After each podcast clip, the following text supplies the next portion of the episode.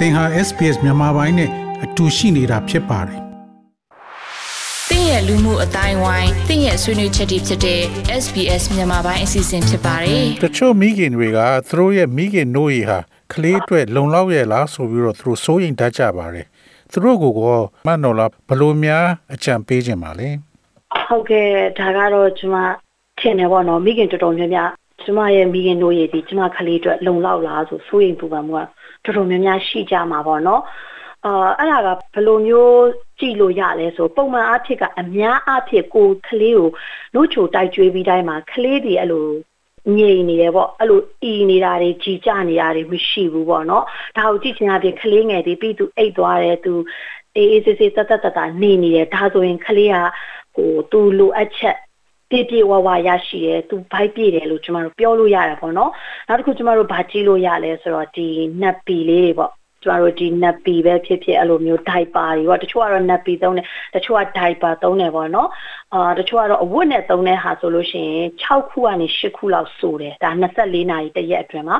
ဒါမှမဟုတ်ရင်လည်းဟိုတချို့ဒိုက်ပါလေးတွေတချို့နက်ပီလေးတွေသူတို့ကဒီစုပ်အားကောင်းအောင်ဆိုပြီးတော့သူတို့ကအများကြီးဟိုစုပ်အား ပေးထားတဲ့ဟာမျိုးလေးဆိုတစ်နေ့ကို9ခုလောက်ပေါ့နော်ကောင်းကောင်းအဲ့လိုမျိုးလေးဆိုဆိုဒါဆိုခလေးဒီကောင်းကောင်းစီးသွားတယ်ပေါ့သူစီးကောင်းကောင်းသွားတယ်ဆိုတဲ့သဘောကသူကောင်းကောင်းနှုတ်လုံလုံလောက်လောက်ဆိုရတယ်ဆိုတဲ့သဘောတရားဖြစ်ပါတယ်နောက်တစ်ခုကကျမတို့ဗာကြည့်လို့ရလဲဆိုသူ့ရဲ့ဒီဝန်းသွားတဲ့ဥစ္စာပေါ့နော်ပထမအစောပိုင်းရက်တွေမှာတော့ဝေးပြီးပြီးချင်းအစောပိုင်းရက်တွေမှာတော့များသောအားဖြင့်ဒီအမဲရောင်ဝန်းလေးတွေအကျိန်ကြီးအနှဲငယ်ပေါ့နော်တစ်ချိန်မကသွားတာရှိမယ်သို့တော်လည်းပဲရက်ပေါင်း အနည်းငယ်ကြာလာတဲ့အခါမှာအဝါဖြော့ဖြော့လေးတွေပြောင်းသွားပါတယ်။ဒီနေ့ကိုတစ်ချိန်လောက်ပေါ့ပထမ3လပိုင်းမှာဒီဒီနေ့ကိုတစ်ချိန်လောက်ဝန်းသွားနေတယ်ဆိုလို့ရှိရင်တော့ဒါကခလေးကကောင်းကောင်းသူအာဟာရအစာအာဟာရနို့လုံလုံလောက်လောက်ရရှိတယ်လို့ပြောလို့ရတယ်။တတိယတစ်ချက်ကတော့ကျမတို့ဗာကြည့်လို့ရမလဲဆိုတော့ ကလေးကပုံမှန်ကြီးထွားလာတယ်ပေါ့နော်အဲ့ဒါလေးကိုကြည့်လို့ရတယ်တချို့ကဒါလေးတခုတော့နည်းနည်းလေးဟိုဟိုသာပြောပြချင်တာမွေးပြီးပထမပိုင်းပထမတစ်ပတ်အတွင်းမှာကလေးတွေကပုံမှန်အဖြစ်ကိုလေးချိန်ကျသွားတတ်ကြတယ်သူ900ခိုင်နှုန်းကနေ1000ခိုင်နှုန်းပေါ့သူ့ရဲ့မွေးတုံးကကိုလေးချိန်ထက်900ခိုင်နှုန်းကနေ1000ခိုင်နှုန်းလောက်မွေးပြီးပထမ3ရက်နဲ့တစ်ပတ်အတွင်းမှာကျသွားတတ်တယ်ဒါကသဘာဝပါပဲသို့တော်လည်းအဲ့ဒါပြီးတာနဲ့ကလေးကပြန်ပြီးတော့ ကိုလေးချိန်ပြန်တက်လာပါတယ်ကိုလေးချိန်ပြန်တက်လာတယ်များသောအားဖြင့်ဒီ150 gram ပေါ့နော်တစ်ပတ်ကို150 gram လောက်ဒါပြန်မြပေါ့နော်ကျွန်မပြောပြန်မြလောက်တက်လာတယ်မွေးပြီးနှစ်ပတ်လောက်အတွင်းမှာဆိုလို့ရှိရင်အာပထမတစ်ပတ်မှာကိုလေးချိန်ကျသွားတော့လဲနှစ်ပတ်အတွင်းမှာတော့ကလေးကသူ့မွေးတော့ကိုလေးချိန်ကိုပြန်ပြီးတော့ရောက်သွားတယ်ပေါ့နော်ဒါဆိုဒါကပုံမှန်ပါ ပုံမှန်အဖြစ်ကျမတို့ကလေးရဲ့ကိုယ်လေးချိန်ရဲ့အရက်ရဲ့ဒီဥကောင်းပေါ့နော် head second front ဆိုကျမတို့ခေါ်တယ်ဒီဥကောင်းပိုင်းကိုကျမတို့တိုင်းတယ်ဒီအရာလေးတွေနဲ့ကလေးရဲ့ကြီးထွားနှုန်းကိုတိုင်းပါတယ်အာဒီ Australia မှာဆိုရင်တချို့မွေးဘူးတဲ့မိခင်တွေဆိုသိပါမယ်ပေါ့နော်ကျမတို့ maternal child health မှာအများနဲ့သွားပြရမှာသူအစိမ်းအောင်စာအုပ်ကလေးတွေနဲ့နော်အဲ့ဒီထဲမှာမိန်းကလေးလားယောက်ျားလေးလားမွေးပြီးပထမ တစ်နှစ်အတွင်းနဲ့နောက်ပြီးတော့နည်းနည်းကြီးလာတဲ့အရွယ်ဆိုသူပြောင်းသွားတယ်ပေါ့အဲ့ဒီထဲမှာကျမတို့ဇရာလေးရှိမယ်အရက်ဆိုဘယ်လောက်လဲပုံမှန်ရှိနေရလားပေါ့နော်ကြီးထွားနေရပြီးတော့ကလေးရဲ့ကိုလေးချိန်ဘယ်လောက်လဲကလေးရဲ့ဒီဦးကောင်းအဝန်းတိုင်းတာတဲ့အတိုင်းတာဘယ်လောက်လဲဒါလေးတွေနဲ့ကလေးရဲ့ကြီးထွားနှုန်းကိုတိုင်းပါတယ်ကလေးဒီပုံမှန်ကြီးထွားနေတယ်ဆိုရင်ဒါဒီလည်းမိခင်တို့သူလုံလုံလောက်လောက်ရရှိပါတယ်ပေါ့နော်ဒါပေမဲ့အကြံပြုချင်တာဒီ များများတိုက်ရင်များများဟော်မုန်းကိုတွားပြီးတော့လုံစော်တဲ့အတွက်ကြောင့်များများမိခင်နှုတ်တွေထွက်လာမှာဖြစ်ပါတယ်အဲ့ဒီအချက်ကလေးတော့အသိပေးချင်ပါတယ်ဒါကြောင့်တက်နိုင်သလောက်ကလေးကစာတိုင်းကလေးကတောင်းတိုင်းတက်နိုင်သလောက်အချိန်ကြီးများများတိုက်ပေးပါမိခင်အနေနဲ့ဘာတွေလုပ်နိုင်လဲဆိုကျွန်တော်ရေများများတောက်ပေးလို့ရတယ်ပေါ့နော်အနည်းဆုံးကျွန်တော်တို့1.5လီတာပေါ့ ရေလို့ပြောတဲ့အခါမှာတောက်ရေပါမယ်တခြားဟင်းချိုရည်တွေအကုန်လုံးပါမယ်စားတောက်ကတော့ထွေထွေတူတူမဟုတ်ဘူးဒါပေမဲ့အာဟာရအုပ်စု၅အုပ်စုလုံးမှာပါတဲ့ကျန်းမာရေးနဲ့ညီတဲ့အစာတွေအားလုံးကိုမျှတစွာစားဖို့အတွက်အကြံပြုချင်ပါတယ်ပြီးတော့မိခင်ဒီ ကလေးကိုနေရောညအောင်နှုတ်တိုက်ရတယ်ချွေးရတယ်ကြည့်ရတဲ့အတွက်ကြောင့်မို့လို့ကျမတို့ပင်ပန်းပါတယ်ပေါ့နော်ဒါကြောင့်တက်နိုင်သလောက်မြန်မြန်အနားယူပါအောင်မကလေးအိတ်နေတဲ့ချိန်မှာတရေတမောအနားယူတာလေးတွေအတာလေးတွေတက်နိုင်သလောက်မြန်မြန်လုပ်ပေးဖို့အတွက်အကြံပြုချင်ပါတယ်ဒါကတော့ကလေးအတွက်လို့လုံလောက်လားမလုံလောက်လားဆိုတာလည်းအကြံပေါ့နော်တကယ်လို့မိမိမလုံလောက်ဘူးထင်တယ် ဆိုလို့ရှိရင်တော့ကလေးတီလည်းအီနေတယ်ငိုနေတယ်အဲ့လိုမျိုးလေးတစုံတရာစိုးရိမ်နေဆိုတော့မိမိရဲ့ဒီ maternal child health nurse ပဲဖြစ်ဖြစ်เนาะမိခင်နဲ့ကလေးဆောက်ရှောက်ရေးဆရာမပဲဖြစ်ဖြစ်မိမိရဲ့ GP ဆရာဝန်နဲ့ပဲဖြစ်ဖြစ်တိုင်ပင်ပြီးတော့ အကြံဉာဏ်တောင်းခံနိုင်ပါတယ်သူတို့ကလိုအပ်တယ်လို့ပြောမှသာတခြားသောဖြည့်ဆွတ်အရာတွေကိုထပ်ပြီးတော့တိုက်ဖို့ကြွေးဖို့အတွက်အကြံပြုချင်ပါတယ်နောက်ထပ်ပြီးတော့ဒီမိခင်နိုးချိုတိုက်ကျွေးတဲ့မိခင်တွေသူတို့တွေ့ကြုံခံစားနိုင်ရတဲ့အခြေအနေရှိရင်န ည်းနည်းပြောပြပေးပါခင်ဗျာဟုတ်ကဲ့အများဆုံးတွေ့ကြုံခံစားနိုင်တဲ့အကြောင်းဖြစ်များတဲ့အရာလေးတွေပေါ့နော်ဒါမိခင်တို့ချိုတိုက်ချွေးတဲ့မိခင်တွေမှာကြုံတွေ့ရတဲ့အရာတွေကတော့အထူးသဖြင့်ကတော့ဒီကျမတို့နှုတ်သီးကောင်းနာတာပေါ့နော်ဒီ nipple soreness ပေါ့အဲ့ဒါကတော့တခါတလေပုံမမှန်လို့ကျမတို့တိုက်တဲ့အခါမှာ တိတိကျကျပုံမမှန်တဲ့အတွက်ကြောင့်မလို့ဖြစ်ပါတယ်။ဒါလေးတွေနောက်တချို့သောတာဦးမိခင်တွေမှာပထမပိုင်းတွေမှာသူတို့ကြုံတွေ့ရတဲ့အရာလေးတွေဖြစ်ပါတယ်။အဲ့လိုကြုံတွေ့ရပြီဆိုရင်တော့ဒါပြန်ပြီးတော့ကလေးကိုတိတိကျကျပုံစံပေါ့နော်ပြန်ပြီးတော့ကြအောင်ဟိုပုံစံပြောင်းပြီးတော့တိုက်ကြည့်ပါ။ ကျမတို့ဒီ lactation consultant တွေပေါ့နော်ဒီမိခင်တို့ချိုတိုက်ချွေးခြင်းပညာပေးတဲ့အထူးဆရာမတွေလည်းရှိပါတယ်သူတို့စီကနေလည်းအကြံဉာဏ်တွေတောင်းခံနိုင်တယ်ဒီလေ့လာလို့ရပါတယ်ပုံစံပြောင်းဖို့နောက်တစ်ခါမိခင်တို့ချိုတိုက်ချွေးပြီးတိုင်းမှာကျမတို့ဒီဒီနိုဒီကောင်လေးနဲ့ဒီ areola ပေါ့နော်ဒီအမဲဝိုင်းလေးနားကိုဒီမိခင်ရဲ့တဘာဝနှုတ်ရည်လေးနဲ့ပဲအနှဲငယ်တုပ်လိမ့်ပေးပြီးတော့ဒီလိုပဲ air dry ပေါ့လေထဲမှာပဲဒီလိုခြောက်ထားလိုက်ဖို့ဒါမှမသက်တာဘူးဆိုရင်တော့ဆော့ဆော့ကကျမတို့ဒီ lactation consultant အနေနဲ့ ပြောပြီးတော့သူတို့ကညှို့နေတချို့သောခလေးကိုလည်းအန်ရမရှိဘူးအများကြီးထောက်ကူပြုတဲ့ cream လေးတွေလည်းရှိပါတယ်ပေါ့နော်အဲ့ဒါလေးတွေကိုအကြံဉာဏ်တောင်းလို့ရပါတယ်နောက်တစ်ခုဖြစ်များလာတော့ဒီကျမတို့ဒီရင်သားပေါ့နော်ဒီသားမြတ်ကြီးတင်းနေတာတွေနောက်တစ်ခုကဒီနှိုးချောင်းပိတ်တာလေးတွေပေါ့နော်ဒါလေးတွေကြာရင်ဘာလုပ်လို့ရလဲဆိုတော့ပုံမှန်အဖြစ်ပို့ပြီးတော့အချိန်ဟိုခလေးကိုလေအဲ့လိုဟိုမတိုက်တာနည်းနည်းလေးအချိန်ကြာသွားတာတော့ဘာလို့ဆိုလဲဒါရနိုင်တယ်ပေါ့နော်နောက်တစ်ခုကျမတို့ဘာဖြစ်လဲဆိုတော့ဒီ အောက်ခံပေါ့နော်အမျိုးသမီးအောက်ခံအင်းကြီးတွေတအားကြီးတင်းနေတာတွေဆိုသွားပြီးတော့ဖိအားဖြစ်တယ်ပေါ့နော်နောက်တစ်ခုကခလေးကိုနိုးတိုက်တဲ့အခါမှာတေးသေးချာချာပုံစံမကြဘူးဒါလေးတွေမှလည်းအဖြစ်များတယ်ဆိုတော့ကျွန်တော်တို့ဘာလုပ်လို့ရလဲအချိန်ကြီးအတွက်များများလေးတိုက်ပေးပါအဲ့လိုမျိုးရင်သားတွေတင်းလာတယ်ဆိုနောက်တစ်ခုက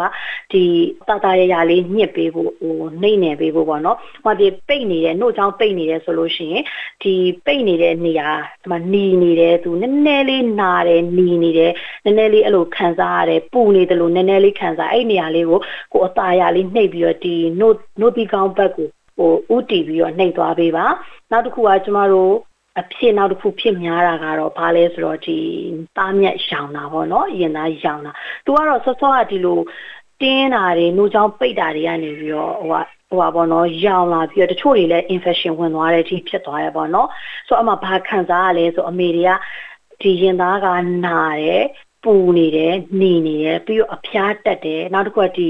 အိုက်ခဲပြီးတော့တုံတာပေါ့နော်ဟို chills ပေါ့နော်ဒီကျမတို့ဒီတုတ်ကွေးမြင်ခံစားရတဲ့အရာမျိုးအဲ့လိုလက္ခဏာမျိုးတွေခံစားတတ်ပါတယ်အဲ့လိုဖြစ်သွားရင်မလက်မာနဲ့အဲ့ဒီဘက်ဖြစ်နေတဲ့ဘက်ကိုကလေးကိုဆက်ပြီးတော့နှိုးတိုက်ပါเนาะအုံမှဖြစ်ပြည်တွေထွက်လာလို့ပြည်တယ်ဆိုတော့တမျိုးပေါ့အဲ့လိုမဟုတ်ဘူးဆိုရင်ဆက်တိုက်လို့ရပါတယ်နောက်ကျမတို့ဒီအကိုက်ခဲပျောက်စေးအနေနဲ့ဒီပါရာစီတမောလေးတွေတောက်လို့ရတယ် နောက်ကျမတို့လုံနိုင်တာကစောစောလိုပဲဒီပိတ်နေတဲ့အရာလေးတွေကိုကျမတို့နို့တိုက်နေတဲ့အချိန်ပဲဖြစ်ဖြစ်ဒါမှမဟုတ်ကိုညှစ်ထုတ်လိုက်တဲ့အချိန်ပဲဖြစ်ဖြစ်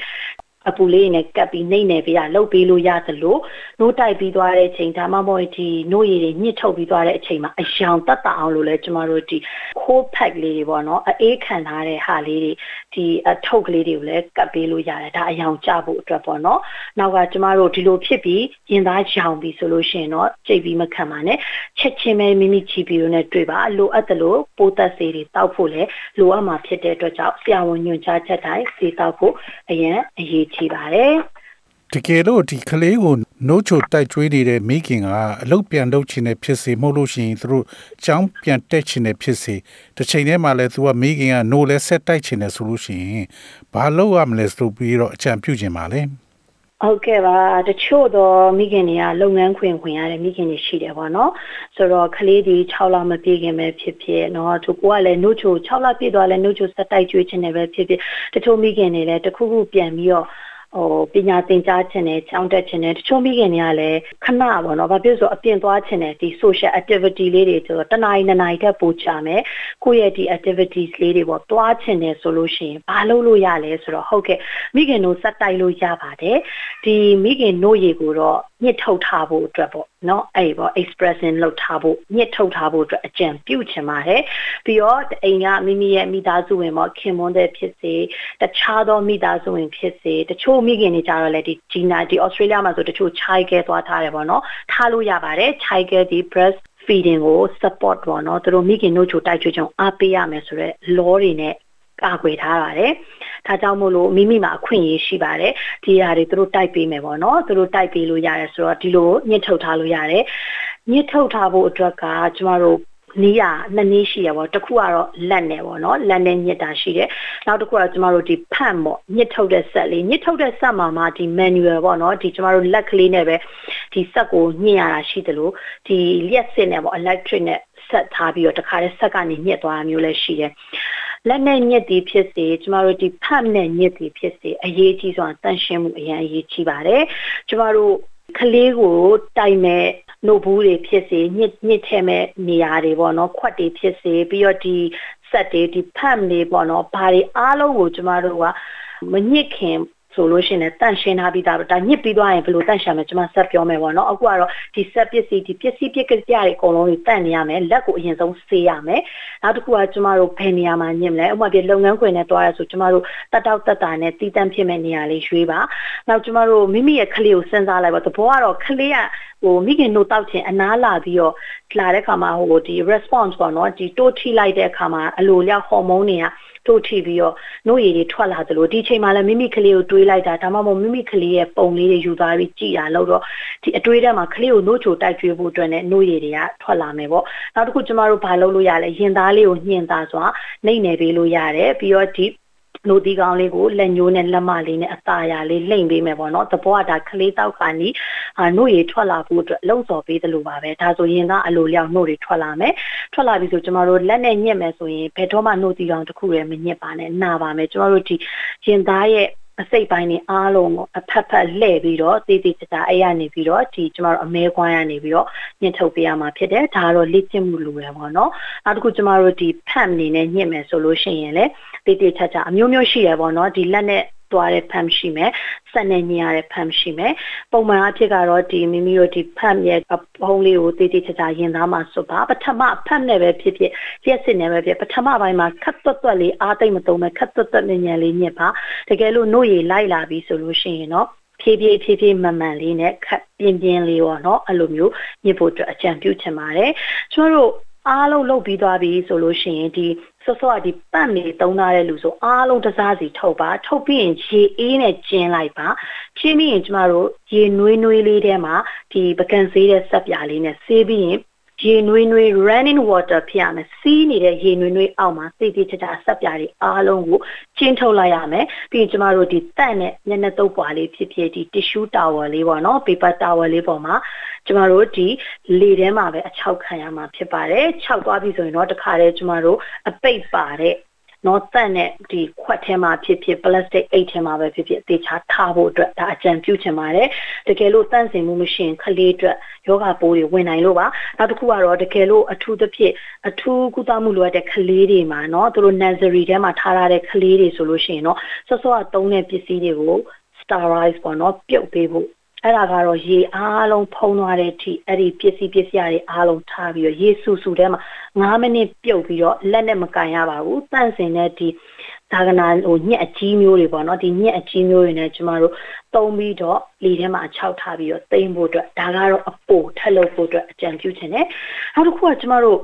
အဲ့လိုညစ်ထားပြီးဘာမှထားမလဲဟုတ်ကဲ့ကျမတို့ room temperature မြန်မာပြည်တို့ဘာလို့ဆိုရင်တော့တအားပူမယ်ပေါ့နော်ဒါမှကျမတို့ဒီမှာပြောချင်တဲ့ room temperature 26 degree celsius တက်မပိုရပါဘူး26 degree celsius နဲ့အောက်မှာဆိုရင်ကျမတို့ညစ်ပြီးပြီးချင်းမှာ6နာရီကနေ8နာရီအတွင်းအဲ့ဒီနှုတ်ထားပြီးတော့တိုက်လို့ရတယ်တကယ်လို့ကျမတို့ရေခဲတစ်တာတဲ့သွားထားမယ်5 degree celsius အခဲထဲမှာမဟုတ်ဘူးအဲ့ဒါဆိုရင်တော့ကျမတို့3ရက်အတွင်းထားပြီးတိုက်လို့ရပါတယ် တကယ်လို့ freezer ပေါ့လုံးဝရေခဲအခဲထဲမှာထားမယ်ဆိုနှစ်ပတ်ကနေပြီးတော့သေးသေးချာချာထက်ခါထက်ခါမဖွင့်ဘူးတိတန့်အပိတ်ကလေးနဲ့ရှိရ freezer ထဲမှာဆို3လအထိတောင်ထားခံပါတယ်ပေါ့နော်သို့တော့ကျမတို့ဒီအခဲထားရတဲ့နှုတ်ကိုကိုကအရေးပြောအောင်အပြင်းမထုတ်ထားဘူးရေခဲတစ်တာရိုးရိုးရေခဲတစ်တာ5 degree celsius လောက်ထက်မှာပဲဖြည်းဖြည်းထားပြီးအရေးပြောမယ်ဆိုရင်ကျမတို့၄နာရီနဲ့24နာရီတွင် တိုက်လို့ထားရတယ်အဲ့ထက်ကြော်သွားရင်တော့တွန်လိုက်ပါပါနော်နောက်တစ်ခုတချို့ကတော့ဒီအခဲထားတဲ့ဥစ္စာလေးကိုတခါတဲ့အသားရိုက်ပဲတော့မှအပူပေးလို့မရဘူးပေါ့နော်ကျွန်တော်တို့ရေနွေးနွေးလေးခွက်ထဲမှာအဲ့ဟာလေးကိုထည့်လိုက်ပြီးထားမယ်ဆိုရင်တော့ချက်ချင်းတိုက်ပါ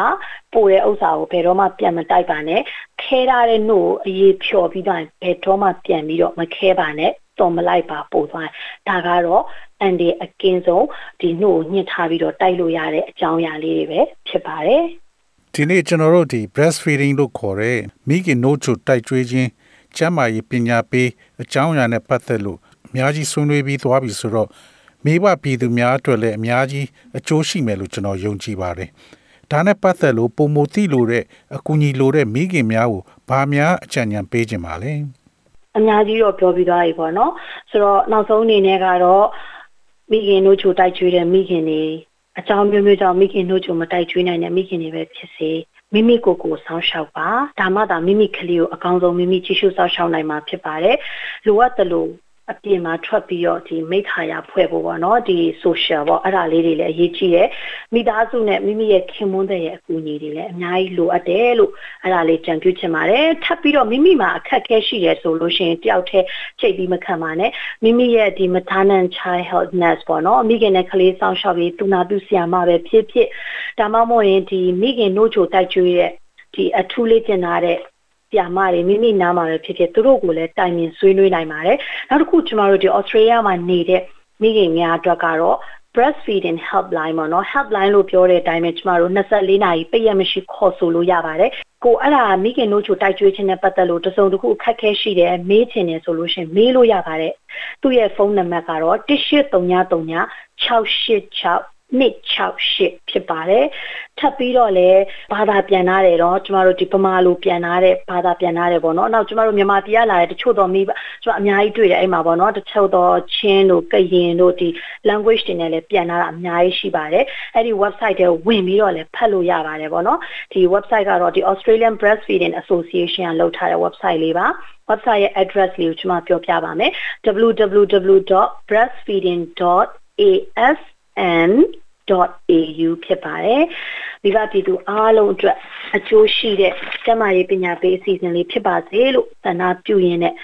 ပျော်ရွှင်စရာနှစ်သက်ဖြစ်ပါစေလို့သန္တာလည်းဆက်ပြင်းနေပဲဒီနေ့ဝိညာဉ်ချင်းဒီညမှာရန်နာပါစေကျေးဇူးတင်ပါတယ်ရှင်ဟုတ်ကဲ့မနော်လာဖို့အခုလိုရှင်းပြပေးရတဲ့အတွက်ကျေးဇူးအများကြီးတင်ပါတယ်နော်ဟုတ်ကဲ့ပါ thank you ပါဟုတ် SBS Radio App ကို download လုပ်ပြီးနားဆင်မှတ်ချက်ပြုနိုင်ပါတယ်။ဒါရိုက်သို့မဟုတ်အချိန်မီနားဆင်နိုင်ပါပြီ။စစ်တမ်းမှာပါဝင်နိုင်သလိုဆက်သွယ်မှုလည်းပြုလုပ်နိုင်ပါတယ်။ Google Play ဒါမှမဟုတ် App Store မှာအခမဲ့ရယူနိုင်ပါပြီ။